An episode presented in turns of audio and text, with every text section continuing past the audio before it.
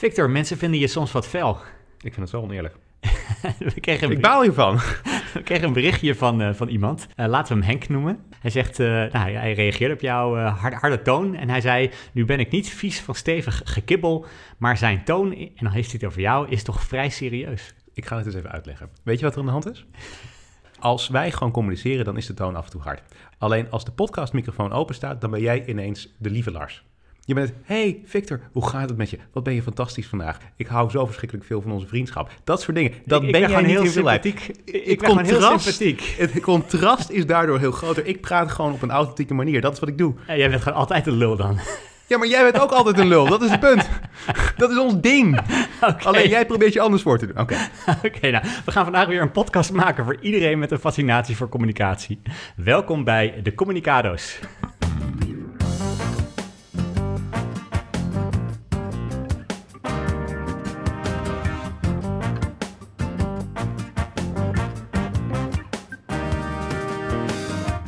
Welkom bij de Communicado's, aflevering 8. We hebben een volle eh, show vandaag. Eigenlijk zoals altijd hebben we een volle show.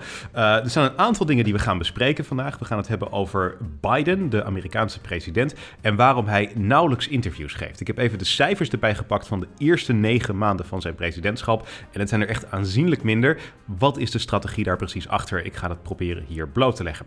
Ik ben ook vandaag te gast geweest bij een andere podcast. Dit is al mijn tweede podcast die ik vandaag aan het twee opnemen podcasts op een ben. dag. Ja, exact ja. Ik ben bij de podcast te gast geweest van eh, Alexander Klupping. En eh, ja, als ik daar nu natuurlijk nu te gast ben, probeer ik wel een klein beetje daar te kijken van wat doen ze nou? Wat kunnen wij daarvan leren? Dus ik heb een aantal lessen uit de podcast over media getrokken die eventueel goed zijn om onze podcast beter te maken. En ik ga je alvast beloven, Lars, ik heb ook gewoon de sleaze en dirt daar van de podcast over media. Dus eh, ik, hier kun je vast naar, naar vooruit kijken. Dan hebben wij deze week beide het boek van NOS politiek journalist Ron Vrezen gelezen. En we hebben het gelezen om te kijken of we de communicatielessen uit kunnen halen. Wat zijn die? Daar komen we straks op.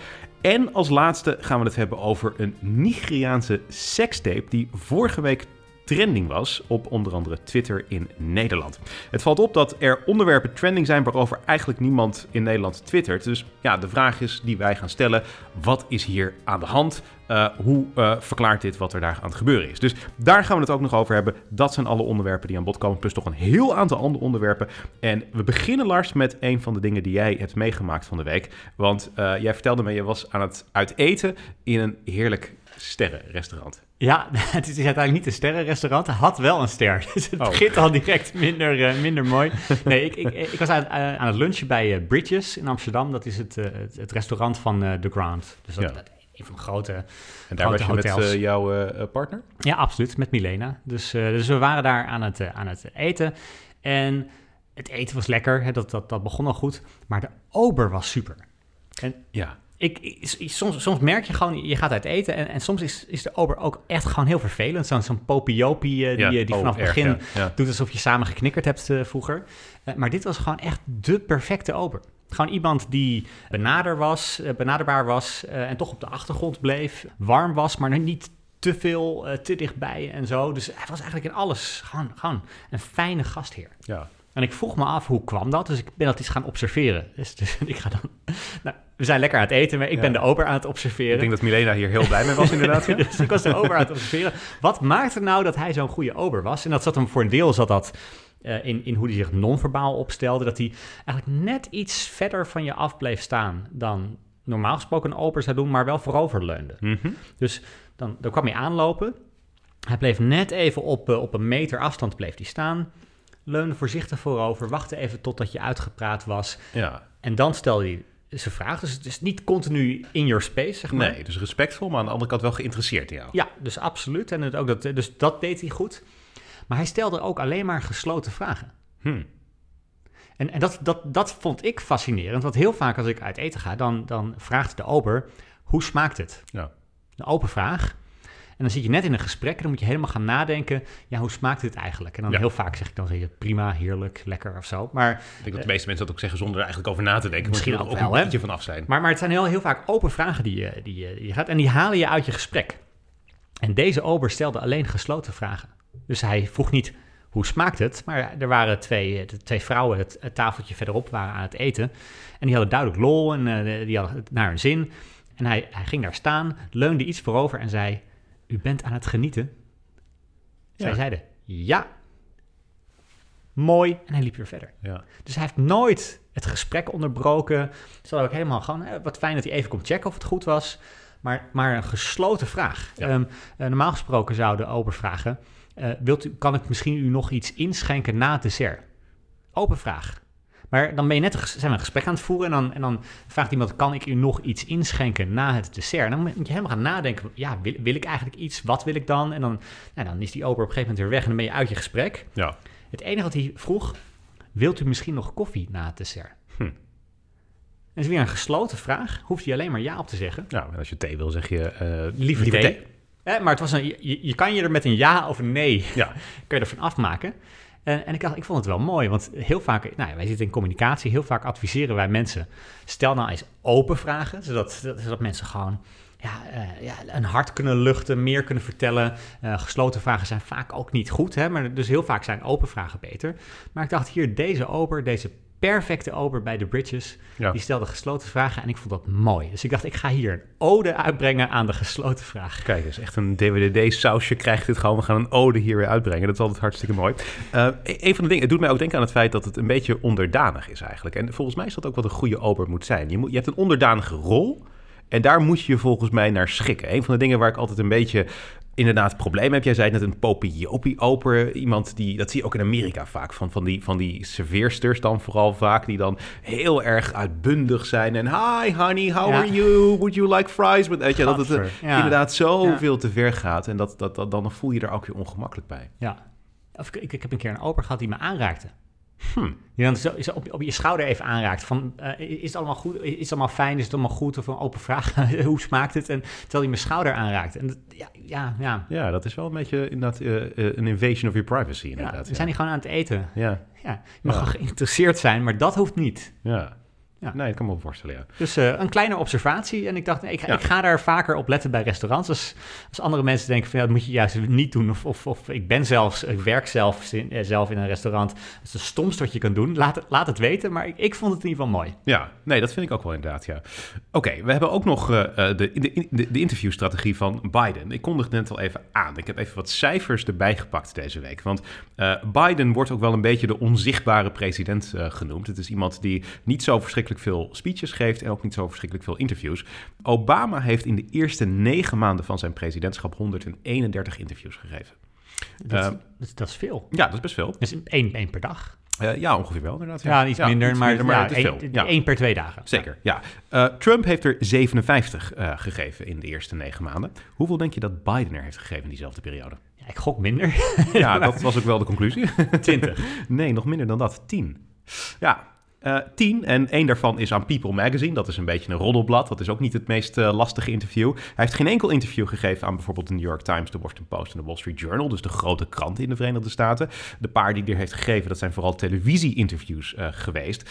Ehm, ja, dit is echt aanzienlijk, aanzienlijk, aanzienlijk minder dan elke president in de recente geschiedenis. Er is niemand zo onzichtbaar geweest. En dat is niet alleen op het vlak van interviews. Je ziet ook op het aantal grote speeches dat hij geeft. Persconferenties bijvoorbeeld. Eh, eigenlijk is dat echt allemaal veel minder. En dan is de vraag van wat is de strategie daarachter? Ik denk dat er een gedegen strategie en ook wel een terechte strategie kan er ook wel inkomen. Ik denk dat die erachter zit. Maar ja, het moet wel ergens gezegd worden. Het is natuurlijk niet ideaal, dit soort dingen. Want het risico is als een president... Ja. Ja, exact. Het, het- ik bedoel, dit mag niet de nieuwe norm worden. Je wil dat een president verantwoording aflegt aan de mensen. En op het moment dat hij geen interviews meer geeft, dan ja, valt die symboliek gewoon weg. Dus ik wil eigenlijk wel dat eh, presidenten en dat überhaupt eh, politici met macht, bestuurders, dat zij eh, ook echt inderdaad mensen te woord staan.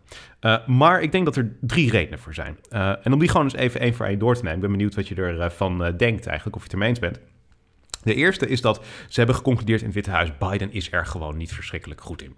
Dus hij is iemand die veel verbale uitgeleiders maakt. Elk interview is gewoon een risico voor hem. Hij is natuurlijk ook 78. eh het is iemand die niet meer de mentale scherpte had van 10 jaar geleden. Dus ik heb het idee eh, dat er ook vaker uitgeleiders in zitten. Wij nemen dit op op vrijdagavond. Toevallig had hij gisteravond een grote CNN Town Hall. En dat is dan een soort van bijeenkomst die live wordt uitgezonden. Ik geloof dat het anderhalf uur duurde.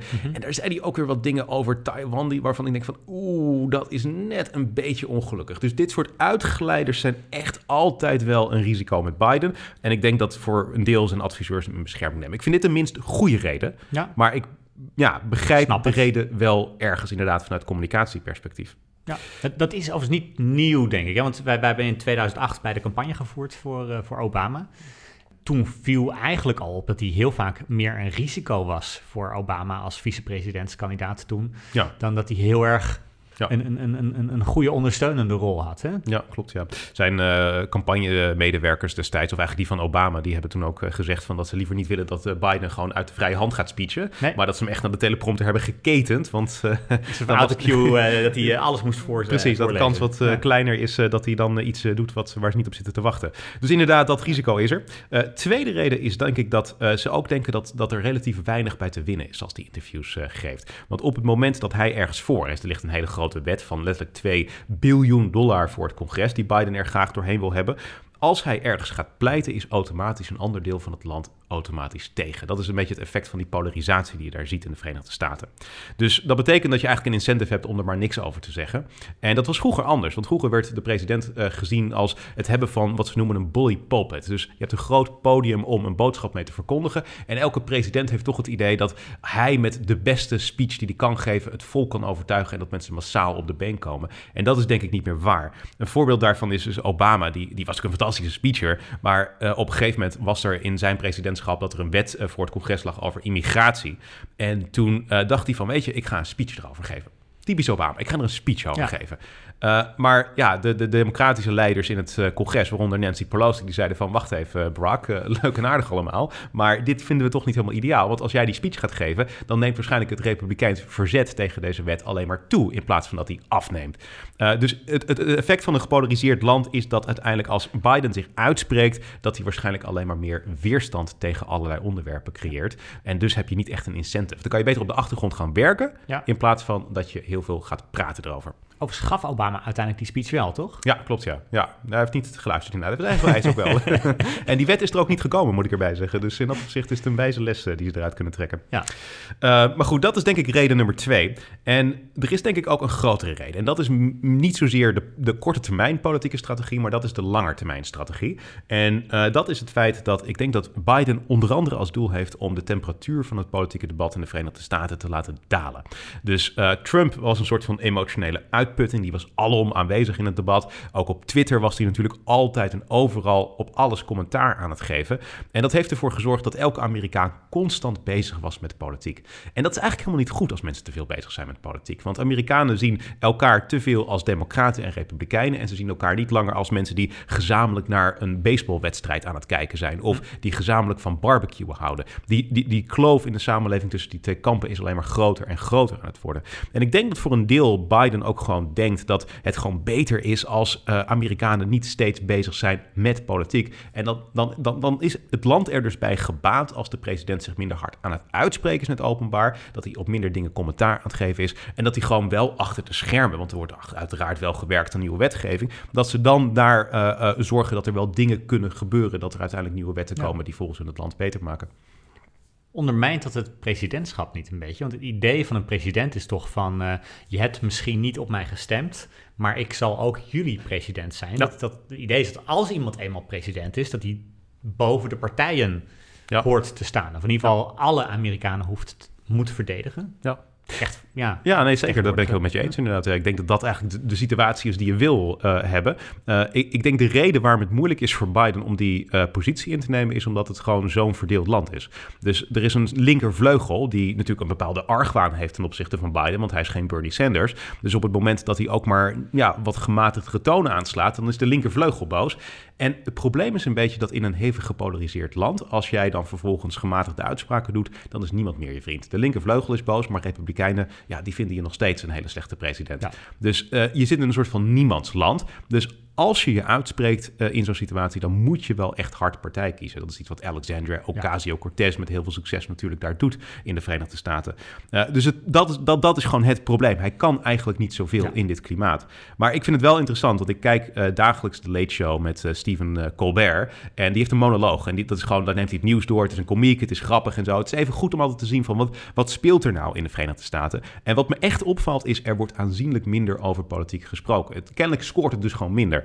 Deze week ging de monoloog, uh, tenminste gisteren was dat, ging het over het feit dat er een wereldwijd tekort is aan allerlei producten. En dus ook in de Verenigde Staten. Hm. Er ligt geen Ben Jerry's ijs meer in de schappen. Dat is iets waar hij minutenlang over heeft, heeft uh, gesproken. Dat boycott van uh, de bezette gebieden nee, nee, nee, dat heeft daar niks mee te maken. Nee, dit, is echt, dit zijn supply chain problemen die met corona te maken hebben. dus het is echt totaal niet politiek gerelateerd. En ik, ik denk ergens dat dat wel gezond is. En de vraag is natuurlijk in, in die paar jaar die Biden heeft, en de verkiezingen komen er ook weer aan van 2024 natuurlijk, en de, de midterms volgend jaar alweer, uh, of, of dat genoeg tijd is om die diepe wonden te helen. Maar ik denk ergens de strategie van gewoon het even niet over politiek laten gaan, zodat de temperatuur kan dalen.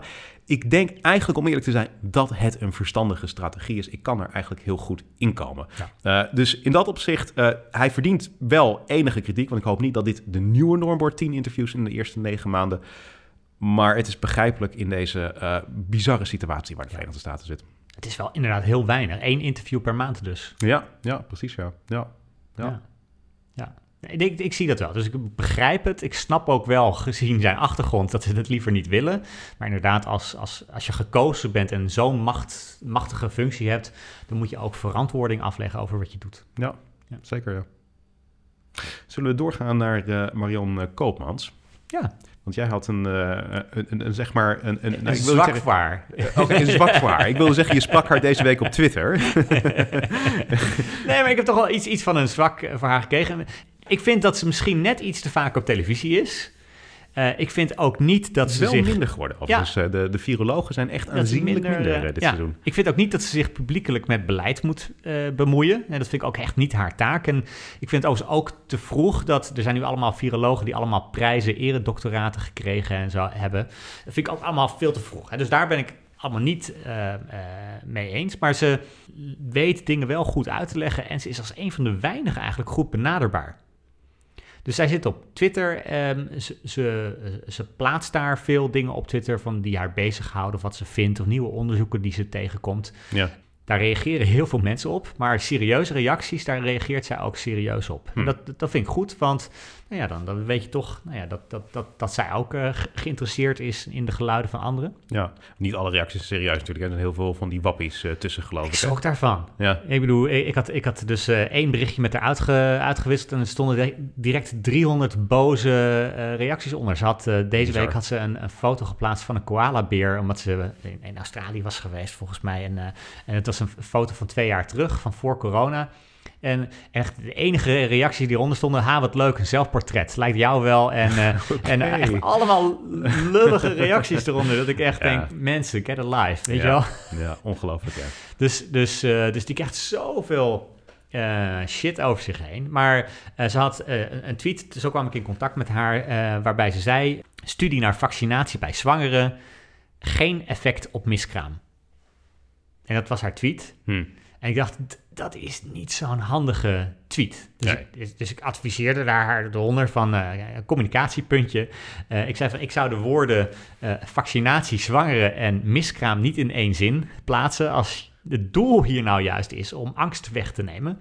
En ik zei van, dat stellen, als, als stellen dat vaccins niet gevaarlijk zijn... wat blijft hangen is dan vaccins ja. gevaarlijk. Ja, een betere boodschap is dat vaccins veilig zijn. Dat had ze misschien ook kunnen zeggen. Hè? Dus vaccins zijn ja. ook veilig tijdens je zwangerschap. Zeker het woord miskraam is natuurlijk heel erg emotioneel beladen voor veel ja. mensen. Dus dat in combinatie met vaccinaties, dat is iets wat natuurlijk lang blijft hangen. Ja. En dat is, de kans is groot dat mensen dat, dus, gewoon, gewoon verkeerd onthouden dan. Dus dat ze denken dat een vaccinatie inderdaad gekoppeld is aan de miskraam. En dat is dus niet het geval. Dat is niet, dat is niet het geval. En uh, nou ja, uh, binnen vijf minuten reageert ze ook. Oké, okay, thanks, wetenschapper, punt, punt, punt. Dus dat ze toch als wetenschapper dan communiceert. Of soms als onhandige wetenschapper wat, wat dingen communiceert. Ja. Maar ze staat ervoor open. Uh, ik ben ook benieuwd of, of we of dingen anders uh, gaan, gaan, gaan horen. Want ik denk wel dat dat soort dingen zijn belangrijk. Ik, ik zag een paar jaar geleden was er ook een Europarlementariër die wilde nieuwe campagne starten. Want vaccins zijn niet gevaarlijk. Ik denk, ja, wat, wat voor boodschap is dat? Als Ja. je dat mensen wil eh, Ja. vertellen. En er zijn zo, wij, ik bedoel, wij weten vakinhoudelijk van, eh, denk niet aan een roze olifant. Je moet altijd zeggen wat je wel wil. Dat is ongeveer les van- 1 van framing, eh, inderdaad. eh, dit, je hoeft hier niet voor doorgeleerd te Dit is zijn. geen schokkende les, maar, maar als je dan heel erg diep in de inhoud duikt, dan doe je soms toch onhandige dingen. Maar ik, ik vind het dus te prijzen dat iemand zich daar open voor stelt en, Ja. en, nou ja, ook, ook benaderbaar is. En ik hoop ook dat we, nou dat, dat we op, in ieder geval op dit gebied slimmere communicatie krijgen. Het is een soort van, eh, dat, dat, dat, we beginnen wel trends op te merken in deze podcast. En een daarvan is dat het, eh, deels is het gewoon een soort van verslag van wat jij afgelopen week op Twitter hebt gedaan. je hoeft hem niet meer te volgen, dames en heren. Hier doet hij verslag wat er allemaal is gebeurd. Heb je nog andere dingen op Twitter gedaan of niet? Eh, ja, heel veel. Wil je daar ook over praten? dat zijn nou juist alle onderwerpen die jij geschrapt Oh, hebt dat- voor deze podcast. Zie je, nu geef je mij weer de schuld. Dit is waarom ik dus zo impopulair ben bij Henk. Oké, goed. Anyway, we gaan door. Ehm, ik zat deze week Jinek te kijken, Lars. Dat is trouwens ook een rode draad. Dat is ook een rode. Oké, jij zit op Twitter, ik kijk talkshows. Maar goed, ik zat dus deze week Jinek te kijken en ik zat daar op de bank. We zitten hier bij mij thuis. Ik zat Ja. daar op die bank. Ik viel er bijna vanaf. Ehm, want wat was nou het geval? Het is eigenlijk een heel triest onderwerp. Ik moet het even serieus inleiden. Want eh, wat, het ging over ehm, eh, daar een, een redacteur van RTL Boulevard... die ehm, 29 jaar is en overleden is aan kanker. Hij is al zes jaar ziek en het is echt een verschrikkelijk triest verhaal. En dat gun je niemand. En hij heeft een boek geschreven en eh, nou ja, dat is daar besproken. En dat, dat schijnt een heel mooi boek te zijn en, en dat soort dingen. Dus daarom werd dat daar besproken. De twee zussen van, van, van die redacteur, van die jongen zaten er, van die overleden jongen. Ruud heette die. Ja. En zijn vriend, eh, die zat er ook aan tafel. En die waren daar om dat boek te bespreken, want dat is echt die dag uitgekomen. En Marieke Elsinga zit ook aan tafel voor een ander onderwerp. En Marieke Elsinga is presentator van RTL Boulevard, Ja. maar ze zat daar dus niet voor dat onderwerp, maar voor echt iets anders, totaal iets anders zelfs. En op een gegeven moment kreeg ze natuurlijk wel de voorspelbare vraag van Jinek van... hey, hoe denk jij hier tegen de situatie aan? En dat fragment wil ik je eerst even laten horen. Ik ga eerst even de vraag van eh, Eva erbij pakken... en dan vervolgens het antwoord van Marieke. Want het is een moment waarvan ik dacht van... Hmm, dit is niet zo handig om dit te zeggen. Dit had je misschien ietsje beter kunnen Nee, jij viel formuleren, bijna Marieke. van de bank af. Ik viel bijna van de bank af, ja. Eerst even de vraag van Eva. Marieke, jij hebt met Ruud gewerkt. Wat voor effect had hij op jou? Dat is de vraag. Niet heel ingewikkeld, toch? Nee. Nee, wat voor effect had hij op jou? Goed, nou laten we dan gaan luisteren naar het antwoord van Marieke. Ja, ik heb inderdaad met, eh, met, met hem gewerkt bij RTL Boulevard, maar eigenlijk niet eens zo gek veel. Omdat in de afgelopen jaren dat ik bij Boulevard werk, is natuurlijk ook door corona, eh, ben je niet met elkaar in contact. En we hebben een heel groot redactieteam. Dus ik zei net al eventjes tegen jullie van ja, eigenlijk heb ik helemaal niet zo heel veel contact met Ruud gehad. Tot mijn spijt, want als ik jullie ook weer hoor en, eh, en alle ja, positieve, heerlijke energieverhalen die ik van collega's hoor, eh, had, ik hem, had ik hem graag veel meer. Maar je hebt wel gezien wat, voor, wat hij teweeg brengt. Ik bedoel, Ruud Ja. is niet de enige die jong is en ziek is. Hè. Dat zijn natuurlijk meer mensen die dat overkomt. Maar als hij zijn verhaal deelde, dan greep dat iedereen. Ja. Wat vond je ervan? Ja, tenen comment. Ja, het is echt heel erg. Twee dingen vielen me op, want ze heeft het dus kennelijk eerder met de redactie besproken. Ja, ze zei tegen die eh, zussen inderdaad. Eh, dus eh, ja, maar inderdaad. Dus dan, dan had dat een reden kunnen zijn als het met de redactie heeft besproken om, om de haar die vraag dan niet te stellen. Maar als je, die, als je, als je merkt dat je, die, dat je daar vastloopt, dan ga je er toch over nadenken. Ja. Dan, dan, dan kan je in ieder geval zeggen van, ehm, ehm, we spra- spraken elkaar niet dagelijks, maar ik weet nog heel goed dat... Ja. En dan noem je één voorbeeld. Er Ja. moet toch wel in de afgelopen jaren moet er één moment geweest zijn dat je denkt van ja, dat, dat, dat heeft indruk op mij gemaakt. Ja, dat zou je denken inderdaad. Ja, ja het is ook een heel verhaal van ze begint eerst over eh, op Zoom en, en dat, dat, of, dat zegt ze trouwens later, kom ik zo nog even op terug. Maar inderdaad, het is een heel erg ingewikkeld verhaal over het feit dat ze inderdaad veel remote hebben gewerkt daar bij RTL Boulevard en dat ze hem helemaal niet kent. Who cares? Ja. Precies, totaal niet relevant inderdaad. Het is, het, ik vond het heel pijnlijk om dat gewoon aan te horen, want je kunt natuurlijk deze vraag wel echt verwachten. Dit voel je op je klompen aan dat je daar een vraag over krijgt.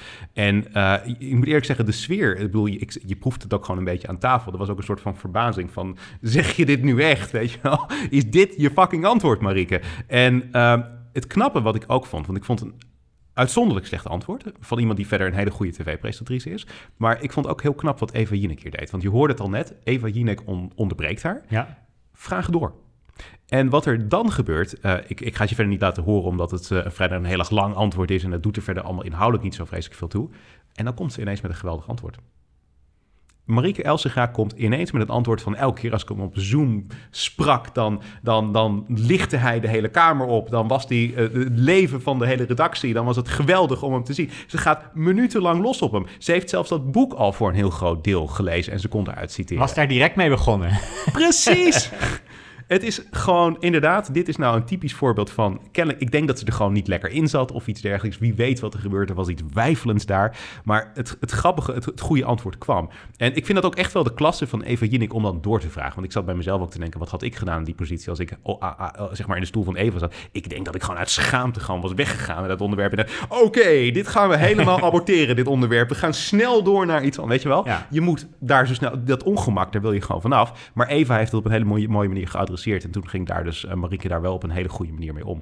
Ik denk overigens de reden dat Marieke dit uh, op deze manier doet, is omdat, en dat zie je wel in deze tijd, er is een soort van drive om authentiek te zijn.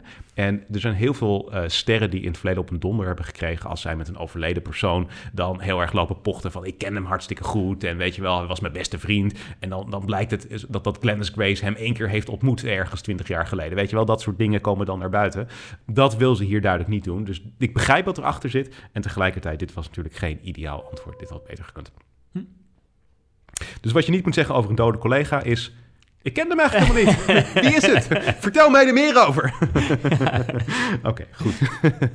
Iets waar jij meer over wil vertellen, Victor, ja. is jouw avonturen vandaag. Ja, ja, ja want ik, ik, we zeiden het al even. Ik heb, uh, dit is mijn uh, tweede podcast uh, vandaag. dus ik heb, vanochtend ben ik naar Amsterdam geweest om daar voor de tweede keer te gast te zijn in een podcast over media van Alexander Klupping en Ernst-Jan Fout. Ja. het is, als ik er ben, in ieder geval zonder Ernst-Jan Fout. Want nou ja, Alexander en ik hebben een gezamenlijke hobby, een gezamenlijke passie. Jij bent dat... een soort van Ernst-Jan Fout, volgens mij. Nee, uh, maar dat uh, terzijde. Uh, ik heb deze podcast inderdaad even daar ge ge gepromoot in de uitzending. Inderdaad, ik heb jou de Ernst-Jan Fout voor mij genoemd, inderdaad. Ja, jij bent ook net zo rationeel als Ernst-Jan, dus dat is wel, het is wel echt een overeenkomst. Maar goed, dat even terzijde. okay, ik zeg nu niks. Ja, ga maar verder, ga maar verder. Ik laat hem lopen. Oké, okay, heel goed, heel goed, heel goed. Um, maar ik, ik zat natuurlijk wel te kijken van, we zijn daar, of ik ben daar aanwezig dan. En dan is dit, dit is een professionele podcast, dus een van de best beluisterde podcasts podcasts in Nederland. Dus wat kunnen wij daarvan leren? Wij zijn natuurlijk net begonnen. Wij zijn nog allemaal relatief nieuw. Dit is onze achtste aflevering. Zij hebben er al heel veel seizoenen op zitten. Wat zijn nou de lessen die we daaruit kunnen trekken? En tegelijkertijd heb ik nog sleaze en dirt. Ik zal eens even vertellen. Ik, ik heb er eigenlijk uh, um, een stuk of vier lessen, maar misschien zijn het er meer of misschien zijn het er minder, afhankelijk van hoe jij er op dingen reageert, uh, Lars. De eerste, dat is ook een les die ik heb geleerd hier, maar die ik ook daar wel heel erg ter sprake kom. Ik kom daar dus binnen, dus dat in het kantoor van Dag en Nacht Media. En dan uh, gaan we naar het keukentje, zeg maar. En dan gaan we daar eerst gewoon even een half uur koffie drinken. En dat is gewoon om sfeer te maken. Ja. En dat is denk ik zo belangrijk. Wij doen dat hier ook. Wij hebben dat ook geleerd eigenlijk door schade en schande. Dat we dachten van, weet je wel, we moeten er een beetje inkomen. Dus ook hier gaan wij eerst even eten. Maar een van de belangrijke dingen die ze ook daar doen... is gewoon eerst even bijpraten. Eerst even gewoon relaxen zorgen dat het even gezellig wordt eigenlijk. Ja. Alexander had ook nog boterkoek uh, meegenomen. Uh, hou je even een boterkoek? Van, uh, van Albert Heijn of van, uh, van de bakker? Nee, ik ben dus een boterkoek connoisseur. Ik ben blij dat je die vraag stelt. Hij heeft hem zelf gemaakt. Hij heeft de avond daarvoor heeft hij zelf in de keuken gestaan om boterkoek te maken. En het was dus boterkoek met rozemarijn erin. Hoe? Dat is echt lekker. Ik, ik, volgens mij boterkoek heb je alleen maar boter en bloem. Ja, het is gewoon 1, 2, 3. Dat zijn ja. de verhoudingen. Dat is gewoon een standaard. Dus hebt suiker, boter en ja, uh, bloem. Suiker, ja. ja. Maar dit is inderdaad een... Ja, er zat dus rozemarijn in.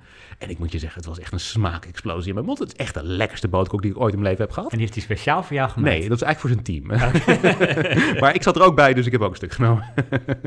nee, maar, het, nee, maar goed, sfeer maken is volgens ja. mij echt heel erg belangrijk. Dat is, en dat, dat, dat, dat zie ik nu wel, dat dat ook een van de belangrijkere dingen is om te doen... als je in talkshows te gast bent, waar ook gewoon echt sfeer moet zijn, zeg maar. moet je ook wel eerder bij talkshows aanwezig zijn. Ik dacht ja. altijd dat dat was, omdat, je, omdat ze niet willen riskeren dat de gast te laat is. Ja. Ik denk ook dat ze je even inderdaad gewoon dat, dat dat even gezellig moet zijn. Dat je kunt praten met de andere gasten en dat soort dingen. Ja, dat, dat, ik denk dat dat echt wel een rol speelt. Tweede uh, reden, of tweede les die ik uit heb getrokken. Um, de voorbereiding is niks. We hebben een, podcast gemaakt over televisietunes. Uh, en wat feitelijk hoe de, hoe de voorbereiding uh, werkt, is ik selecteer er een aantal en die laat ik daar horen. En daar vertel ik wat dingen omheen eigenlijk. Uh, ik heb gevraagd aan Alexander, toen we dit aan het uh, voorbereiden waren... Uh, Alexander, wil jij weten wat ik ga bespreken... en wat ik voor tunes überhaupt ga laten horen? zijn antwoord is nee, absoluut niet. Ik wil niks horen, ik wil niks zien, ik wil niks weten. We gaan het gewoon doen. Ik stap er helemaal blanco in. En dat is wel echt een hele andere manier van eh, voorbereiden. Wij zitten ook een beetje natuurlijk te kijken van wat is de ideale voorbereiding, aftasten. Je wil niet alles helemaal afkaarten, want dan op een gegeven moment is het een soort van ja, een gesprek dat je overnieuw aan het doen bent, maar de eerste keer zonder de microfoon erbij was het, was het eigenlijk leuker vaak. Want dus je wij moet die vertellen eigenlijk alleen het, de titel van een blokje aan elkaar. Ja. Hè? Dus wij weten ook niet van elkaar wat... je- ik, ik heb geen idee wat jouw vier lessen nu gaan Nee, zijn. precies, exact. Nee, exact. Dus inderdaad, alleen wij delen dan titels. Soms delen we iets meer en soms een rolverdeling inderdaad. Maar over het algemeen zo weinig mogelijk. Ehm, ik vind het ergens, ehm, Alexander eigenlijk nog minder. Dat is echt een bewuste keuze, zegt hij. wil gewoon niet te veel daarin zitten en dat soort eh, dingen. Ik kan me dat ergens wel voorstellen. Dus ik vind daar ook wel een goed eh, argument voor eh, eh, te geven. Tegelijkertijd, het moet bij je passen. Dat is natuurlijk ook het geval. En ik, ik denk ook dat hij iemand is die goed met onvoorspelbare situaties om kan gaan. Ik denk, een van de dingen waar hij goed in is, is hardop nadenken over dingen. Ik ben daar iets minder goed in. Ja, dus hij neemt inderdaad continu ehm, eigenlijk de luisteraar ook mee met wat er omgaat in zijn Ja, hoofd. maar hij kan ook, ter, terwijl hij aan het praten is, allerlei nieuwe ideeën bedenken. We hebben ook nog een hele aflevering voor de vrienden van de show opgenomen. Want we hadden eigenlijk iets te veel. De uitzending duurde al anderhalf uur en dan waren we eigenlijk nog niet klaar. Dus toen hebben we nog een half uur voor de vrienden iets opgenomen. Want Mensen klagen nu al dat onze afleveringen een uur duren, maar Ja. je hebt dus een aflevering van anderhalf, uur. Dat eh. was, was eigenlijk iets lang, ja. Ja, zeker. Ja, en nogmaals, we hebben dus gewoon nog twee blokjes moeten schrappen daar eh, te plaatsen. Dus die hebben we dus voor de vrienden gedaan. Maar we hebben ook nog een heel gesprek gehad over ontbijttelevisie. En een van de dingen die er echt heel goed kan, is gewoon ter plekke, terwijl hij aan het nadenken is, ook gedachten formuleren. Ik heb altijd iets meer voorbereidingstijd nodig. Ik vind het fijn om over dingen na te denken. Maar dat is iets wat hij daar dus echt heel goed eh, doet. Ehm derde les die ik eruit getrokken heb, er zitten daar ook twee andere mensen bij. Dus je hebt aan de ene kant eh, Alexander en Ernst-Jan. Eh, Ernst-Jan is deze week op vakantie, dus die is er niet. Maar dan heb je ook nog een opnameleider, dat is Botte. En Botte is iemand die zelf ook een eigen podcast heeft, De Eeuw van de Amateur, heel erg succesvol daarin, ook een radioverleden. En dan heb je Bianca, dat is de redacteur, die is de, de jongste van het team, eh, maar eh, die heeft ook eh, radioervaring, die doet ook veel in de media, die weet ook precies hoe ze daarmee uit de verf, eh, hoe ze daar goed uit de verf komt. En dat zorgt ervoor dat je wel mensen hebt die je feedback geven. Ik denk een van de dingen, wij doen dit met z'n tweeën. En we krijgen uiteraard feedback, net zoals je in de media altijd heel veel feedback krijgt. Maar het nadeel van feedback is dat het ook overwhelming kan zijn. Dat je moeilijk kunt selecteren van wat is nou de feedback waar je echt op moet gaan richten. En dat is denk ik een van de dingen die je eh, kunt hebben op het moment dat je met een vast team samenwerkt. Dan zijn het mensen die weten wat de strategie is, hoe je, eh, wat je kunt, wat je misschien ook niet kunt, de Ja. dingen die je niet kunt oplossen. En die kunnen dan daar echt die feedback meer eh, sturing geven. Maar ook ter plekke al, tijdens de podcast. Ja, ja, zeker. Ja, op een gegeven moment las Alexander een tekst voor voor een sponsor. En toen zei hij van, nou, was dit wat? En toen zei Bianca, de redacteur, van, nou, voor jou doen was dat niet heel slecht. en dat is natuurlijk grappig. Iedereen moest er even om lachen. Maar ehm, eh, weet je wel, het was gewoon even de bevestiging van, het was oké. het is belangrijk om die tekst goed te krijgen. Want, nou ja, er zit dus ook een sponsor aan vast. Dus dan moet het gewoon even netjes ook zijn. Eh, dus eh, dat, dat soort feedback krijg je daar Ja. inderdaad. En inderdaad, zeker ook eh, allerlei dingen die Botten eraan toevoegde. Eh, dus dat, dat gebeurt wel echt aan de lopende Ja. ja. Want wij, wij knippen eigenlijk niet zoveel. Soms knippen we een onderwerp Nee. eruit, als, als ook die van ons anderhalf uur dreigt te worden. Ja. Maar da- in deze podcast is best wel veel geknipt. Ja, er is best wel veel geknipt, ja. ja, dat, ja. Een van de dingen die ik ook wel interessant vond... is dat het begin van de podcast, van die aflevering... de mensen die het eh, hebben geluisterd of gaan luisteren... eh, dat hebben we op het laatst opgenomen. We hebben één keer op het begin opgenomen... en toen liep het nog niet helemaal lekker. En dat komt ook omdat we er eigenlijk op dat moment niet zo lekker in zaten. Ehm, en Omdat je misschien ook niet wist wat je zou gaan doen. Eh, nou, het was een beetje oeverloos. Ja, dat hebben wij ook wel eens. Dat soms heb je, is- heb je het punt wat je wil maken niet scherp voor ogen. En dan zit je een beetje oeverloos te praten. En dat, de, de, de oorspronkelijke versie van de intro was een beetje heen en weer gepraat, zeg maar. Dus ehm, de tweede versie was beter. Maar de tweede hebben we op het einde opgenomen. Eh, dat, dat wilde Alexander toen doen. Die zei van, nou weet je, laten we gewoon maar eerst eh, de- naar de kern van de zaak gaan. En dan komen we later wel terug bij het einde. En dat vond ik wel een interessante strategie. Want ik denk dat als wij dat hadden gedaan in die situatie... dan hadden wij hem direct opnieuw opgenomen. Ja. Ehm, en ik vond het eigenlijk best wel goed om het op die manier te doen. Want je bent nog wel fris. Je weet niet meer hoe je het precies de eerste keer hebt gedaan. Nogmaals, er zat anderhalf uur eh, tussen. Dus we waren ook weer helemaal vergeten wat we daar eh, hebben gedaan aan het begin. Maar het, het zorgde dus ook voor... Meestal zit je er op het einde wel het beste in. Ik merk dat ook altijd bij ons. Het tweede half uur zijn we eh, vaak meer op dreef dan het eerste half uur. Dus moet je dan die intro opnemen. Ja, eigenlijk wel. Ja. Ja, dat is misschien wel de conclusie inderdaad. Ja, ja maar goed, dat is het laatste eh, wat ik eh, daarover... eh, dat, dat is eigenlijk de vierde les daar die ik eruit heb getrokken. Dat we, als je iets opnieuw doet, dan kan je misschien dat aan het eind doen inderdaad. Ja. Ja. Ja. Het is wel inderdaad meer montagewerk. Dat is natuurlijk waar zij ook een opnameverleider le- leider voor hebben die dat dan ook doet. Ehm, in dit geval ben ik degene die het in eerste instantie monteert... en jij gaat daar met een tweede versie nog overheen. Dus dat doen wij zelf, dus dat is net wat lastiger allemaal. En we hebben hebben iets minder professionele apparatuur, eh, Ja. moet ik er ook bij opmerken. Maar eh, ja, nee, dat, dat dat is in ieder geval een manier om het te kunnen doen. Ja. Nou, nou, nou spoelen me- de meeste mensen die vier lessen door, want je had ook aangekondigd dat jij dirt en sleaze Ja, ik- zou opbrengen. Er is gewoon geen, ik moet eerlijk zeggen, ik heb gewoon echt geen sleaze. Wacht even, Het wacht even. Dit is echt heel naar. Je, je hebt iets aangekondigd, maar je gaat het niet brengen. ik dacht, ik verzin het wel ter plekke, maar dat lukt dus niet. Maar Denk hardop. Ja, dat probeer Eh, ik. probeer ik zit nu een beetje, denken, oh, een drama, oh, wat eh. erg. Even kijken, wat is er nog meer gebeurd? Ja, het is allemaal, oh, het is, het is allemaal heel braaf geweest. Maar, maar misschien kunnen we anders dit deel na afloop dan opnemen. Of kan, of kan dat dan niet? We monteren het er wel in, inderdaad, ja. ja. Nee, Maar als mensen willen luisteren, podcast over media. Ja. Zo heet de podcast. eh. En ja, op het Twitter-account kun je Alexander zien dansen en mij een beetje onhandig zien meebewegen. Oh god, ik vind dat echt... Laten we snel naar Ron Vrezen gaan, eh, Victor. Oké, ik ben even bijkomen. Oké. Ron Vrezen heeft een boek geschreven.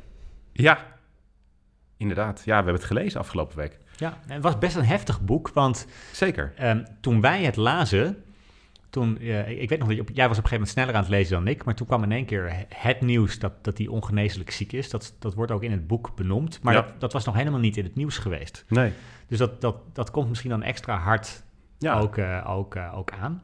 Ja, dat is natuurlijk heel veel boeken die worden al een beetje ja, gespoild natuurlijk door eh, de pers eh, die eromheen eh, zit. Dus zeker uit dit soort non-fictieboeken weet je vaak al wat zeg maar het nieuws is. Maar dat, ja, ik schrok er echt wel van. Het is natuurlijk eh, behoorlijk eh, eh, tragisch eigenlijk om te horen dat iemand nog maar een paar jaar te leven heeft. Hij nuanceert dat ook enigszins zodat hij nog wel er het beste van wil maken. Dat is ook de reden waarom hij stopt bij de NOS. Ja. Maar hij heeft prostatakanker inderdaad, ja. En dat is en, en, en, en een best wel erge vorm. Ja, Ja. precies, exact. Ja.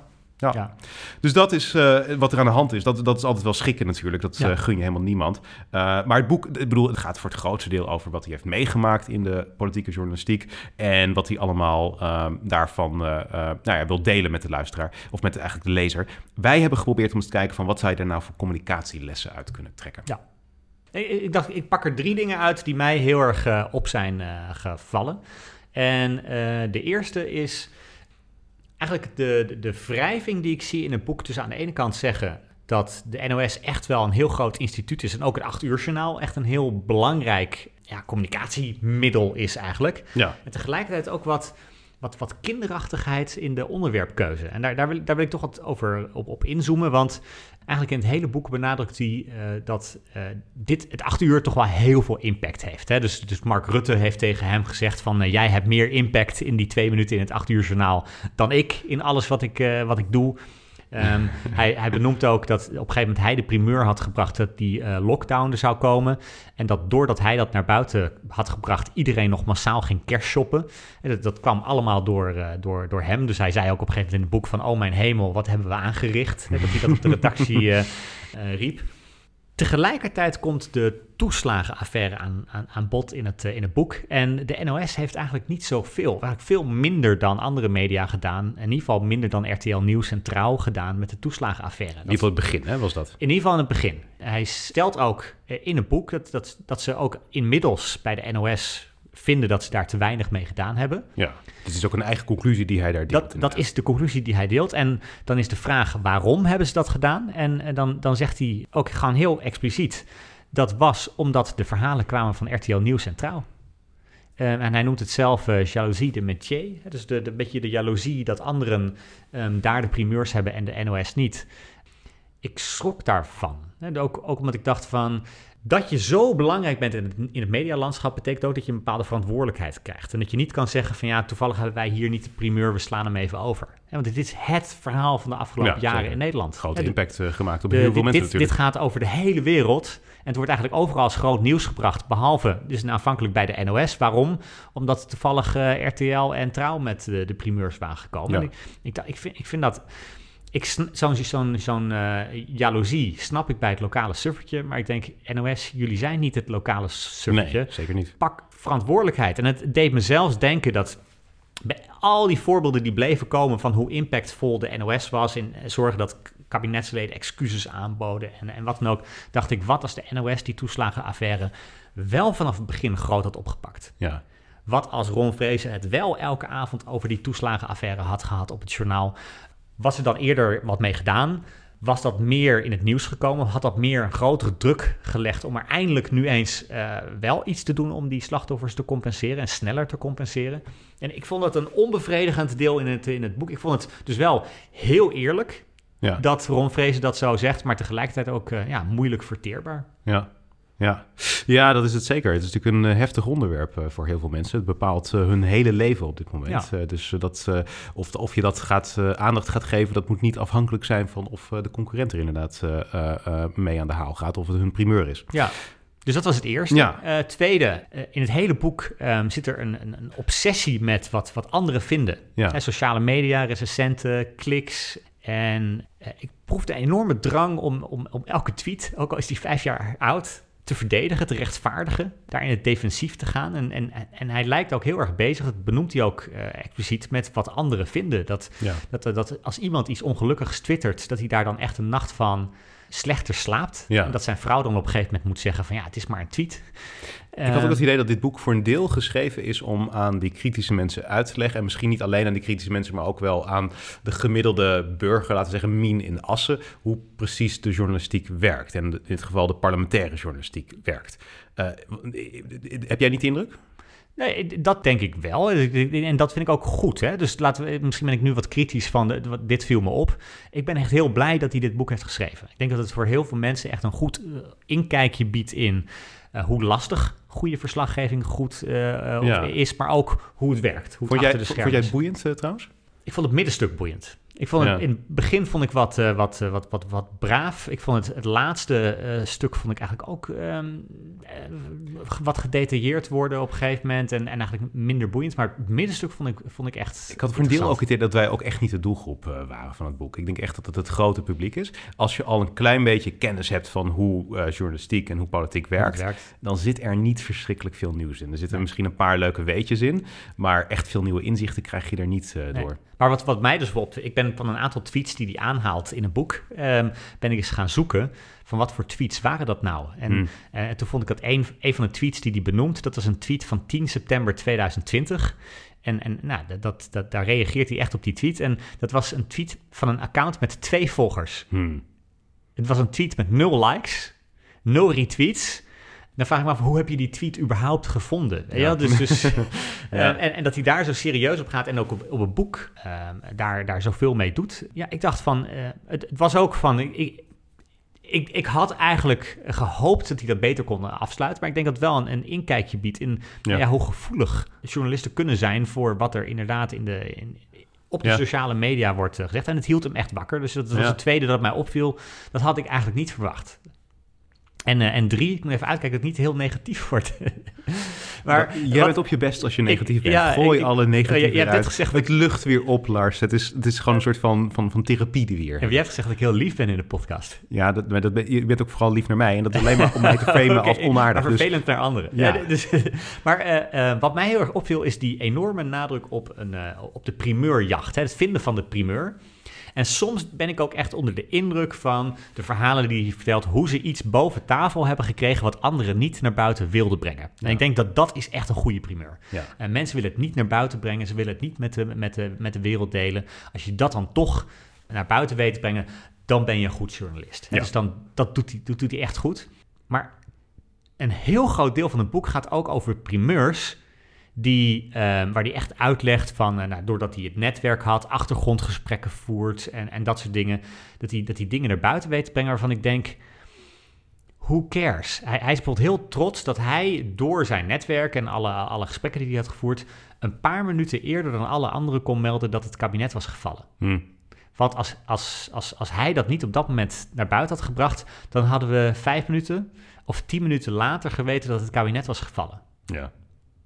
Dat is, Who ja, dat is typisch journalisten inderdaad om, om te kijken naar van of, ze, of ze een paar seconden eerder zijn dan de concurrent inderdaad. Wat maakt dat nou uit? Inderdaad, het, maakt niks uit. Voor mij is dat echt water naar de zee dragen. Nee. Dat, dat, dat, water dat was toch al in de zee beland, ja. maar, maar misschien ben jij in staat om met een emmertje het, het, het water vijf, uh, vijf seconden eerder in zee te krijgen. Ja. ben je daar nou aan het einde van je carrière trots op? En dat, dat verbaast me. En dat, dat, dat, daar zaten best wel veel dingen in dat hij echt uitlegt hoe hij dat soort dingen naar buiten heeft gebracht. Uh, of de, de onderwerpen waar hij zegt dat doordat hij uh, de gunfactor had, dat partijen het gunden om het via hem naar buiten te brengen in plaats van via een ander. Hm. Dan zegt hij dus eigenlijk, uh, als, als ik niet daar was geweest of, of, uh, of als ik niet zo'n goed netwerk had gehad, dan had je het in een andere krant of bij een andere rubriek kunnen horen. Ja, ja. Uh, ja, who cares? Ja, dus dat, dat, dat zijn, dat zouden, ik had niet verwacht dat daar zo'n nadruk op uh, zou liggen. Ik snap best dat het voor het aanzien van de NOS goed is dat, dat, dat NOS ook gewoon primeurs naar buiten kan brengen. Hè? Maar ik had niet verwacht dat zo'n groot deel van het boek zou gaan over de dingen waarvan ik denk, ben je daar nou het meest trots op? Ja. En wat ik wel interessant vond uh, uh, wel aan het boek is dat uh, sommige mensen worden heel veel genoemd en andere mensen worden wat minder vaak genoemd. Je hebt, je hebt, geteld? Nou, ik heb niet geteld, maar ik vond het wel opvallend dat Dominique van Heijden wordt vrij vaak genoemd en Arjen ja. Noorlander ook. Dat zijn zijn directe collega's daar. Joost Vullings zelfs nog? Joost Vullings inderdaad, ja, die tegenwoordig bij Eén Vandaag werkt, maar vroeger bij de NOS. de enige die nauwelijks genoemd wordt, ik geloof dat het één keer was, dat is Sander van der Wulp. Het is wel opvallend, want het is wel degene die daar als het ware de, de, zeg maar de tweede duider is, als, als Ron niet in het acht uur journaal kan zitten, dan zit uh, Xander daar. Uh, je, je, zou dus denken dat ze heel goed met elkaar samenwerken, maar hij wordt echt gewoon totaal niet genoemd. Ik ben heel benieuwd wat daarachter ik zit. heb de theorie. Wat, wat is je theorie? Uh, op een gegeven moment zegt hij in een boek, ik maak me zorgen om de popularisering van de politieke journalistiek. Uh -huh. Het wie en hoe winnen steeds vaker van het wat en waarom. Dit is een quote van hem. Dat is een quote van, van Ron Vrezen. Ik, voel, ik, ik vroeg me af van wie, wie is op dit moment nou heel erg bezig met de popularisering van de politieke journalistiek? Ja. Xander van der Wulp. Dat is wel inderdaad een ding. Met, met die ja. vlog, met, Ja. uh, met zijn met zijn talkshow optredens. Ja. Het, het gaat eigenlijk nooit over het wat en het waarom. Het gaat altijd over het wie Ja. en het hoe. Um, hij maakt zich Xander zorgen zit- om de Xander van der Wulps van deze wereld. Het zou best kunnen inderdaad. Het zou best een theorie kunnen zijn inderdaad. Xander van der Wulp zit natuurlijk heel vaak bij Op 1 bijvoorbeeld... om daar de politiek eh, te duiden. En een van de dingen die Xander heel goed doet... die Ron niet per se eh, goed doet... eh, is dat hij het inderdaad heel gewoon lekker vertelt, zeg maar. Hij maakt er een lekker verhaal van. Dat is wat zijn ding is. Dat is waarom hij daar vaak aan tafel zit. Ron Vrezen is volgens mij niet meer dan één of twee keer bij eh, Op 1 geweest. Ik heb hem daar echt gewoon nog nooit gezien. Dus het, het kan zijn dat ik hem misschien een keer gemist heb... maar ik zie hem daar niet vaak. Ik, ik, overigens vind ik dat niet per se ten nadele van hem. Want ik vind wel dat Ron Vrezen een hele eh goede feitelijke duider is. En ik vind ook dat hij heel neutraal is. Ja. En dat vind ik wel echt te prijzen aan hem. Eh, ik, ik moet eerlijk zeggen dat ik het ergens wel een klein beetje met hem eens ben... dat er heel veel duiders het alleen maar goed kunnen vertellen en lekker kunnen vertellen. En eh, Ron Vrezen is wel iemand die het ook heel begrijpelijk kan vertellen. En dat vind ik ook echt een kwaliteit. Hij had ook een hele mooie definitie ervan. Want hij, hij legde uit wat het verschil is tussen een duider en een commentator. Mhm. En hij zegt dan, eh, dan citeer ik hem weer... een commentator oordeelt, een duider analyseert... Ja. Een commentator vertelt wat hij ziet, een duider wat je niet ziet, maar wel moet weten om te begrijpen wat er op en rond het Binnenhof gebeurt. Ja. Het is natuurlijk inderdaad het tegenovergestelde van Frits Wester, die vaak inderdaad als commentator wordt eh, aangekondigd en dan inderdaad wel oordeelt over de zaak. En dat probeert hij dan niet per se eh, te doen vanuit een partijpolitieke kleur, maar hij zegt wel heel duidelijk van dit is slecht, dit is goed. Ja. Eh, en dat is inderdaad een rol die Ron Vrezen niet op zich neemt. En ik denk eerlijk gezegd dat dat wel prijzenswaardig is, ja. Er vielen mij even drie dingetjes op in het boek. En een van die dingen was, ik vond het wel grappig om te zien hoe de miljoen, miljoenennota nou in de praktijk wordt gelekt. Ik vond dat wel echt een grappig detail, want je weet natuurlijk dat die altijd gelekt wordt. Dat is iets wat jaren gebeurt. Er is ook een soort van strijd tussen journalisten. Nou, hoe gebeurt dat? Niet in een of andere parkeergarage, maar hij vertelt er het verhaal in dat Dominique van der Heijden en hij gewoon op een gegeven moment bij wat eh, Kamerleden op werkbezoek waren rond de tijd dat dat naar buiten kwam naar de Kamerleden. En vervolgens is er een Kamerlid die dat eh, maar graag bereid is om dat te delen. Dus die kamer, dat Kamerlid die heeft dat daar op, op een soort van hoek van haar bureau liggen. Of hem of haar, dat wordt niet duidelijk in het boek trouwens. Hem of haar bureau liggen. En eh, die verwijst ernaar, ze zegt er, hij of zij zegt er wat over.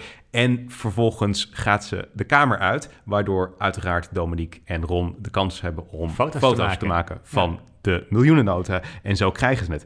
Ik wist eerlijk gezegd niet dat het zo ging. Ik vind het Ik moet even naar het toilet. Kun je, kun je even in deze kamer blijven wachten? Ja, ja, precies. Ja, zo. Letterlijk zo. Ja. En zo'n backbencher, dat legt hij ook wel uit. En ik denk dat dat op zich wel goed is voor mensen om te realiseren. Waarom doet iemand dat nou? Nou, zo'n backbencher wilde ik ook een keer in het journaal. Als jij Ron Vrezen de miljoenennota hebt, hebt, hebt gegeven... dan is het makkelijker om een keer daar een quote eh, in het journaal eh, te krijgen. En voor sommige mensen die laag op de lijst eh, dreigen te komen... kan dat echt een opsteker zijn. Tweede wat ik wel interessant vond... is dat je ook eh, tot goede duiding komt... door af en toe te praten met mensen die zeker geen verstand van heeft. Hij had op een gegeven moment een anekdote die hij beschrijft over die uh, Griekenland-reis van koning Willem-Alexander. En eerst uh, zat hij een beetje te puzzelen met zijn duiding daarover. En Mark Rutte als premier had uh, de formele verantwoordelijkheid genomen. En toen dacht hij bij zichzelf, ja, dit is, is, dit, is dit de beste duiding? Ik weet het nog niet. Dus toen legde hij dat voor aan zijn vrouw Anneke, die is voormalig stewardess bij de KLM. En die Purser. zei van... Purser, dat, ligt, dat ligt gevoelig, dit. Het is niet stewardess, het is purser. Waarom is het... Waarom is en dan ben je wel, heb je hogere rank in de cabine.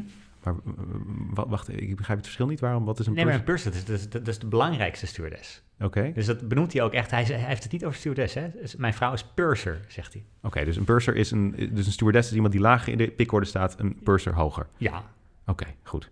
Purser het, bij de Hetzelfde zoals een, een, een, fractievoorzitter is ook een Kamerlid. Maar dan Ja. zeg je niet, ehm, dat is een Kamerlid. Nee, dan zeg je dat is de fractievoorzitter. Oké. Eh, goed. Nou, nee, oké, fair enough. Eh, Purser eh, Anneke, dat is zijn vrouw. En, en dan legt hij dus haar, aan haar voor wat precies de, de- zijn duiding is. En op een gegeven moment zegt zij over de Griekenlandreis van... ja, je kunt nu wel Mark Rutte daarvan de schuld geven... maar het is de koning die op dat vliegtuig stapt. Hij had ook even zelf kunnen nadenken. Ja. En dat wordt dan vervolgens zijn duiding in het acht uur Ja. journaal. En wat ik daar interessant aan vind, is dat als je ergens heel erg in zit in een onderwerp... dan heb je er soms baat bij om het te toetsen aan iemand... die het gewoon bekijkt van een afstandje... en die gewoon zijn intuïtie laat spreken. Ik denk dat het echt een hele belangrijke is voor iedereen. Toets het gewoon eens een keer aan iemand die er heel erg oppervlakkig naar kijkt. Dat is Ja. vaak echt heel erg waardevol. Ja. Als het intuïtief al gewoon net niet goed klinkt... betekent het waarschijnlijk dat je eraan moet schaven... en dat zie je niet als je er diep in zit. Het is een beetje de vloek van kennis. Ja. Het laatste wat ik ook wel interessant vond... is dat hij eh, niet wist op wie hij ging stemmen... totdat hij in het stemhokje stond. Ja, ik, ik heb altijd twijfels als mensen dat zeggen. Weet je, ik geloof het wel. Hm. Ik geloof het wel omdat je zo bezig bent met neutraal te zijn en altijd alles af te wegen. En eh, je zit constant naar de voor's en tegens te kijken. Daar word je ook steeds op afgerekend. Ik vind hem oprecht erg neutraal. Ik vind dat echt wel prijzenswaardig aan de rondvrezen. Eh, dus ik kan me dat eigenlijk, om eerlijk te zijn, wel voorstellen. Er is een Amerikaanse nieuwsanker, Brian Williams, die altijd ook hetzelfde verhaal vertelt. Dat hij op een gegeven moment zelfs niet meer ging stemmen, omdat hij daarmee moest kiezen. En ja, dat is gewoon, dat maakte zijn baan lastiger om onafhankelijk te zijn. Ik denk dat je eigenlijk echt alleen maar onafhankelijk kan zijn als je inderdaad niet te veel oordeelt over dingen. En Ja. dus dat je het van een afstandje bekijkt. Ik vind er wat voor te zeggen. Ik, het- het voor tegenovergestelde ook, want ik denk dat als ik in die functie zou zitten, dat ik wel zou gaan stemmen. Ik vind het ook ergens wel een burgerplicht om Ja. te gaan doen. Hm. Maar ik kan me er iets bij voorstellen. Volgens mij heeft Tom-Jan Meijers van NRC Handelsblad... die heeft een keer eh, aangegeven dat hij bewust niet stemt. Nee, precies. Ja. Dat hij gewoon onafhankelijk wil blijven. Ja, ja. Ja, volgens mij inderdaad door niet te oordelen maak je jezelf makkelijker als eh, journalist inderdaad, ja. ja. Ehm, dus dat, dat zijn wat kleine dingetjes die ik interessant vind. Over het algemeen, het is een boek wat geschreven is zoals Ron Vrezen spreekt. En dat betekent dat het heel feitelijk is. Het is wel doordacht. eh, het hebt is ook het goed onderbouwd. Leest als een trein. Eh, ja, tegelijkertijd, het leest niet zo lekker als een boek van Twan Huis over de Clintons bijvoorbeeld. Want Twan Huis is nou typisch weer zo'n lekkere verteller. Als, als, als Sander van der Wulp dit over de, de, de Nederlandse politiek had geschreven, dan was het waarschijnlijk ook nog net meer lekkerder als een trein. Maar het is wie Ron Vrezen is. En ik vind wel eh, dat dat een interessant inkijkje Ja. geeft in eh, acht eh, jaar, acht uur, zoals Ja, het boek goed heet. dat hij het doet en de, de reflectie is ook heel erg te prijzen. Ja. Ik vind dat heel waardevol. Zeker, ja, Ja. absoluut, ja. Oké, nou goed. Het ligt in de boekenwinkels voor de mensen die dat willen en dat is beschikbaar. Dan hebben we nog één onderwerp om te bespreken. Dat was eigenlijk het belangrijkste onderwerp van de hele podcast. dit, Nou ja. is, dit is waarom mensen aan het luisteren zijn. Ja, dat, nou ja, inderdaad, ja. Ja, want het gaat over een Nigeriaanse sekstape. En die was vorige week dus trending op Twitter. Ja. Ik wil het eigenlijk de komende 10 minuten hebben over een merkwaardige speurtocht die, eh die 10 Wacht minuten... even, jij koppelt er nu een tijd aan. Ja, ik wil het als de ultieme clickbait neerzetten. Maar ik denk dat ik 10 minuten nodig heb om, eh, om, om je mee te nemen in een ik, ik ga een speurtocht. zoomer neerzetten. Zodra je ook maar één seconde over die 10 minuten bent, dan... eh, Ja. Met de belofte dat je nooit meer hetzelfde kijkt naar trending topics oh, in sorry, je bent, nog steeds aan, Ja. oh, je bent nog steeds aan teasen. Oh, jeetje, jij gaat echt... Je bent, nee, heel goed. Weet je, complimenten, je bent dit echt aan het verkopen. Ja, ik, dus, dus blijf, blijf luisteren en je, ja, wat, je, wat je straks hoort, ga je niet geloven. Oké, nu gaat hij te ver. Oké, ik ging al ver met mijn sleaze en dirt over Pom. En Ja, ga jij, maar ik ga het waarmaken. Oké, ik ga kijken, oké. kijken of ik kan doen wat jij, wat jij Zie je, dat is nou een lullige opmerking. Daar kom je weer. Oké. Eh, want ik wil het hebben over trending topics op Twitter. Want heel vaak, je hebt zo'n blokje op Twitter met onderwerpen waar heel veel over gesproken wordt. En Ja. Eh, als je in Nederland bent, dan, dan zie je trends in Nederland en dan zie je waar heel veel Nederlanders het over hebben. Ja. Eh, ehm, soms zie ik daar bijvoorbeeld Baudet staan. Ja. Dan denk ik, wat heeft hij nu weer gezegd? Eh, heel vaak zie ik daar voetbal staan. En, en dan heel vaak zijn de, de spelers die daar bovenaan komen drijven... dat zijn of degene die gescoord hebben of degene die het heel slecht doen. Ja. Da- daar hebben mensen het kennelijk ook over op Twitter. En als iemand heel oud is en al een tijdje niet in het nieuws is geweest en ineens trending topic is op Twitter, dan denk ik, oh jee, Hij is overleden. Hij is overleden. Hè? Dus, dus de, ehm, maar regelmatig kom ik ook eh, termen tegen die, die je totaal niet kan plaatsen. Hm. Hashtag End SARS Memorial. Hashtag End SARS.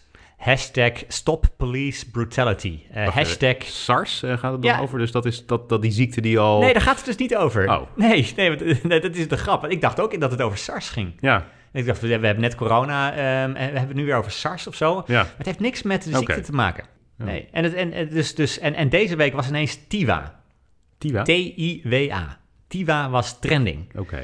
En eh, ik ben dan zo iemand die dan toch al benieuwd is waarom het trending is. Dus ik, ik klik daarop en daar begon voor mij het mysterie. Oké, dit is echt heel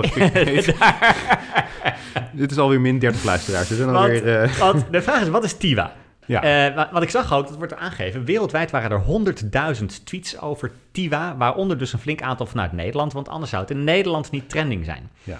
En toen kwam ik erachter dat ehm Tiwa, dat, is, dat, dat staat voor Tiwa Savage. En dat is een, eh, een zangeres uit Nigeria, ook de bekendste zangeres uit eh, Nigeria. Tiva Savage. Tiwa Savage. Wij hebben denk ik niet van haar gehoord, maar ze is internationaal, timmert ze echt aan de weg. Eh, als je gaat naar Spotify, ehm, dan, eh, dan haar belangrijkste liedjes zijn al 20 miljoen keer bekeken. Oké, Nou, dus dan- dat is best wel een grote zangeres. eh, ze, ze, ze zingt bij de grote platenlabels. ze is de, de, de voornaamste en rijkste zangeres van Nigeria. En eh, 41 jaar oud. Ehm, en ehm, daar is iets, twee weken, of nou, twee, laat ik zo vertellen, twee weken geleden bracht zij naar buiten dat ze gechanteerd wordt. Ze wordt afgeperst met een sekstape. Oei. Is de Eh, vervelendste manier van afpersing. Ja, want wat was er gebeurd? Haar vriend deed, of, of misschien schouwel, dat, dat wordt niet helemaal duidelijk in de verhalen. Die had per ongeluk een sekstape op Snapchat gezet. Oké. En toen hij ontdekte dat hij het per ongeluk had geüpload, heeft hij het direct verwijderd. Maar in de tussentijd heeft iemand anders hem gedownload. Ja. En daarmee perst hij vervolgens nu Tiva, eh, Tiwa Savage af. Is de vraag Dus de natuurlijk... vriend is inderdaad, of die scharrel of wat dan ook, die is in ieder geval eigenlijk hier niet schuldig aan. Die heeft gewoon een fout gemaakt.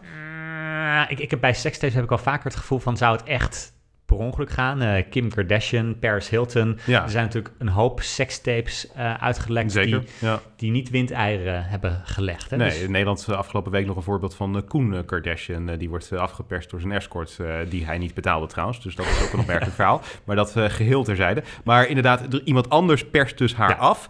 En dat is iemand anders dan die de sekstape Ja. online heeft gezet, want die heeft het er snel afgehaald. Ja, en dan, en, dan ehm, en, en mijn vermoeden is overigens dat die vriend het niet helemaal per ongeluk online heeft gezet. Want het is natuurlijk, Ja, als jij met de, met, de, met de voornaamste artiest in Nigeria iets doet...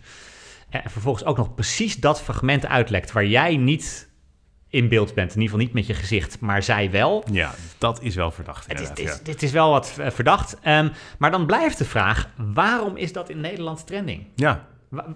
Ja. Want ja, ja, ja, had Ik heb haar niet van gehoord, nee, nee. Ook niet van de sekstape Nee, gehoord. zeker niet. En toen dacht ik, van, nou, wat zou de verklaring kunnen zijn? Misschien is er een grote Nigeriaanse gemeenschap in Nederland... die er ook massaal over aan het uh, twitteren is. Maar ik dacht, die hebben wij niet. Nee. Dus nee, ik denk dan, ik zoek dat even op. De Nigeriaanse gemeenschap in Nederland bestaat uit 12.000 mensen. Oké. Nou, die kunnen niet iets trending krijgen in Nederland. Nee, lijkt me ook niet. Dus ik ben er dieper in gedoken. Waarom is een Nigeriaanse sekstape trending in Nederland... terwijl er niemand in het Nederlands over twittert? Dit is diepgravend journalistiek Dit is- dit ik is- hang aan je lippen. Ja, nee, maar dan, dan gaat hij verder.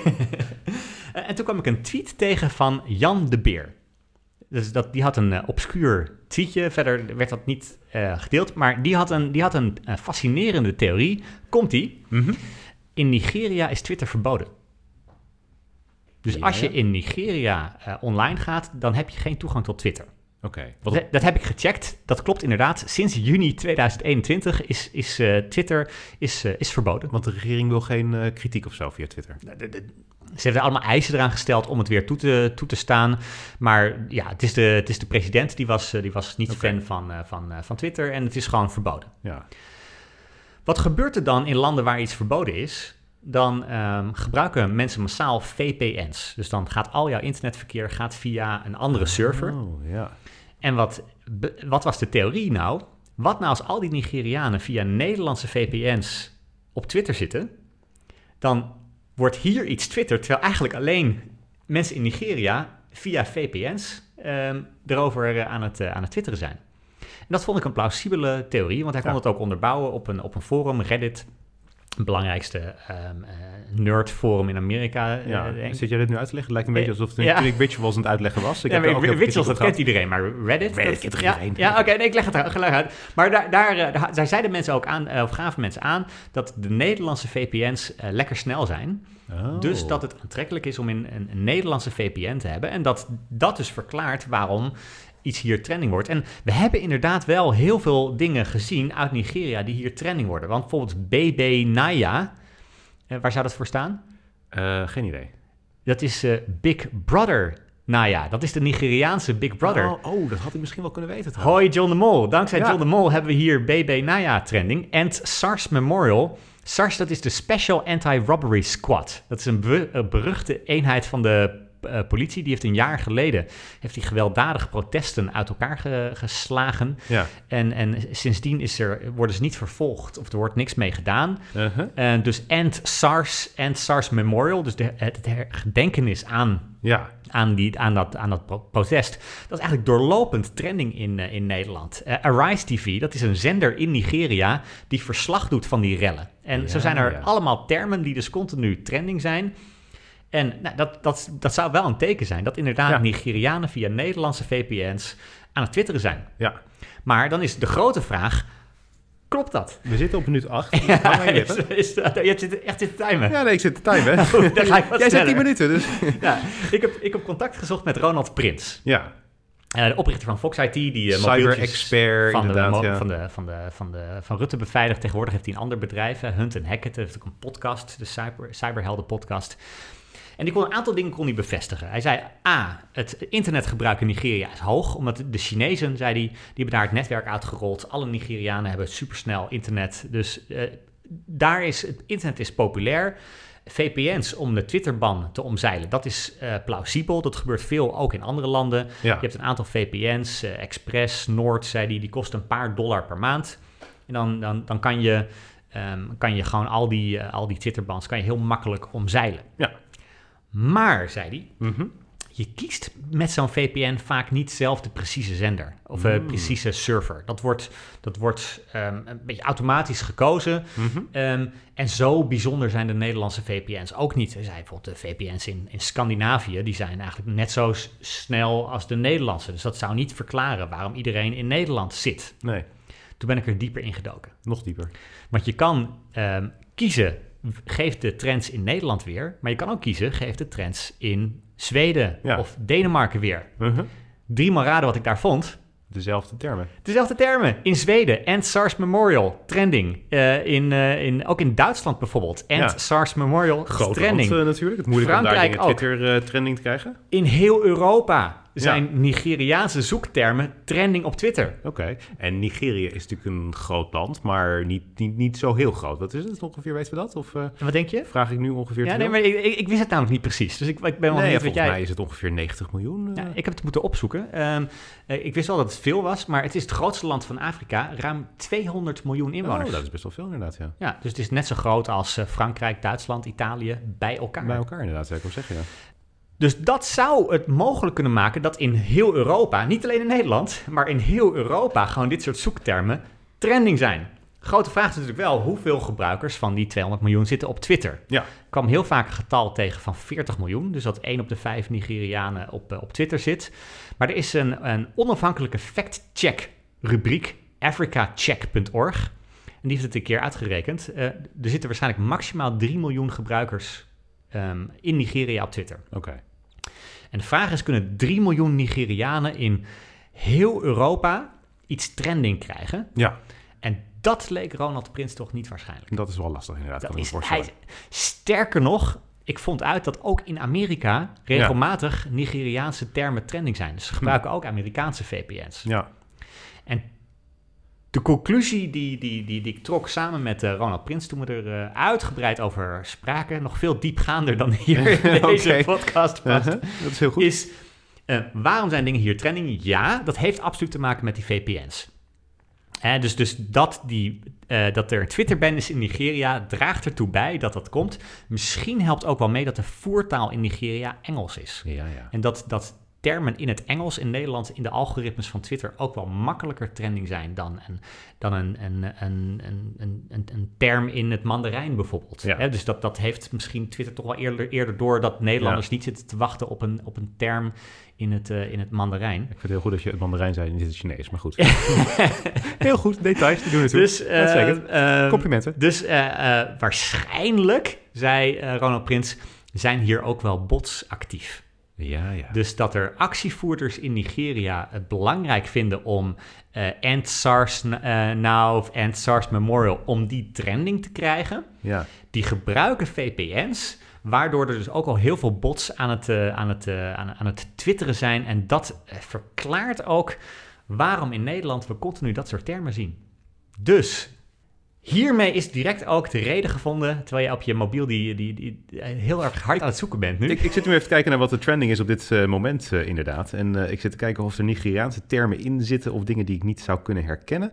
En eh, ik geloof het niet. In ieder geval niet in de het is niet 20. altijd. Nee. Het, het is, eh, Nee, precies. Maar dit verklaart wel waarom je doorlopend Nigeriaanse hashtags ziet tussen jouw trending topics. Inclusief deze week dus een Nigeriaanse sekstape, Ja. waar niemand in Nederland ooit van gehoord had. Dus het zijn bots uiteindelijk die het... Mede, mede. Ja. Maar dit, weet ik, het, is waarschijnlijk een combinatie van eh, heel veel Nigerianen die via v- eh, VPN's, dus eh, ehm, hier op ons internet zitten. Dan denkt Twitter dat heel veel mensen dus dat in Nederland kennelijk belangrijk vinden, maar dat is Ja. dus niet zo. Nee, oké. Nou, dat is inderdaad wel interessant om te weten hoe dat ook achter de schermen Twitter werkt. is eh, nooit meer eh, hetzelfde, geef toe. Nee, nee, nee, dat is het zeker niet. Nee. Ik zat nee. me zelfs af te vragen, kunnen we dit ook zelf toepassen? Dat als we in Nederland massaal Mhm. gewoon in Polen en Hongarije VPN's kiezen, dat wij daar iets trending kunnen krijgen met z'n allen. jouw eh, pro-EU-boodschap aan de man brengen? dus eh, wij kunnen gewoon met de rest van de EU kunnen we via VPN's in Polen en, en Hongarije kunnen we onderwerpen trending krijgen als we dit slim doen. Eh, de status, hoe lang heeft het onderwerp geduurd, denk je? Ja, ik denk een kwartier Ja, het uiteindelijk. heeft 14 minuten geduurd. Eh, nee, ja, ik heb er geen Maar- oordeel over, maar, maar- jij maar- zei 10 minuten. maar dus ik did I deliver on the promise? Nee, absoluut. Ik geef je helemaal dat het eh, inderdaad wel iets beter, zeg maar, de goods had dan mijn Sleaze. Eh, dat, dat, dat, dat, ik, ik, ga daarvan leren. Ik, ik, ik neem dit mee en dit is heel goed. Weet je wat overigens nu, het is nu vrijdagavond, weet je wat nu trending is op Twitter? Waarschijnlijk iets op televisie. Ja, de Masked Singer. Ik ben de Masked Singer aan het missen. ik vind dat echt een leuk programma. Ik baal hier eigenlijk van dat we nog bezig zijn. we moeten er even een eind aan breien. Laten we snel gaan afronden. Ja, het is net begonnen, dus... eh, Oké, wil jij nog wat zeggen? Nee, ik, nee ik, ik hoop dat mensen de eerste volgende keer dat ze op Twitter zitten hier aan terug moeten denken. Ja, oké, goed. Dat gaan we doen. Ik ga de Masked Singer kijken. Tot volgende week. Hoi, hoi.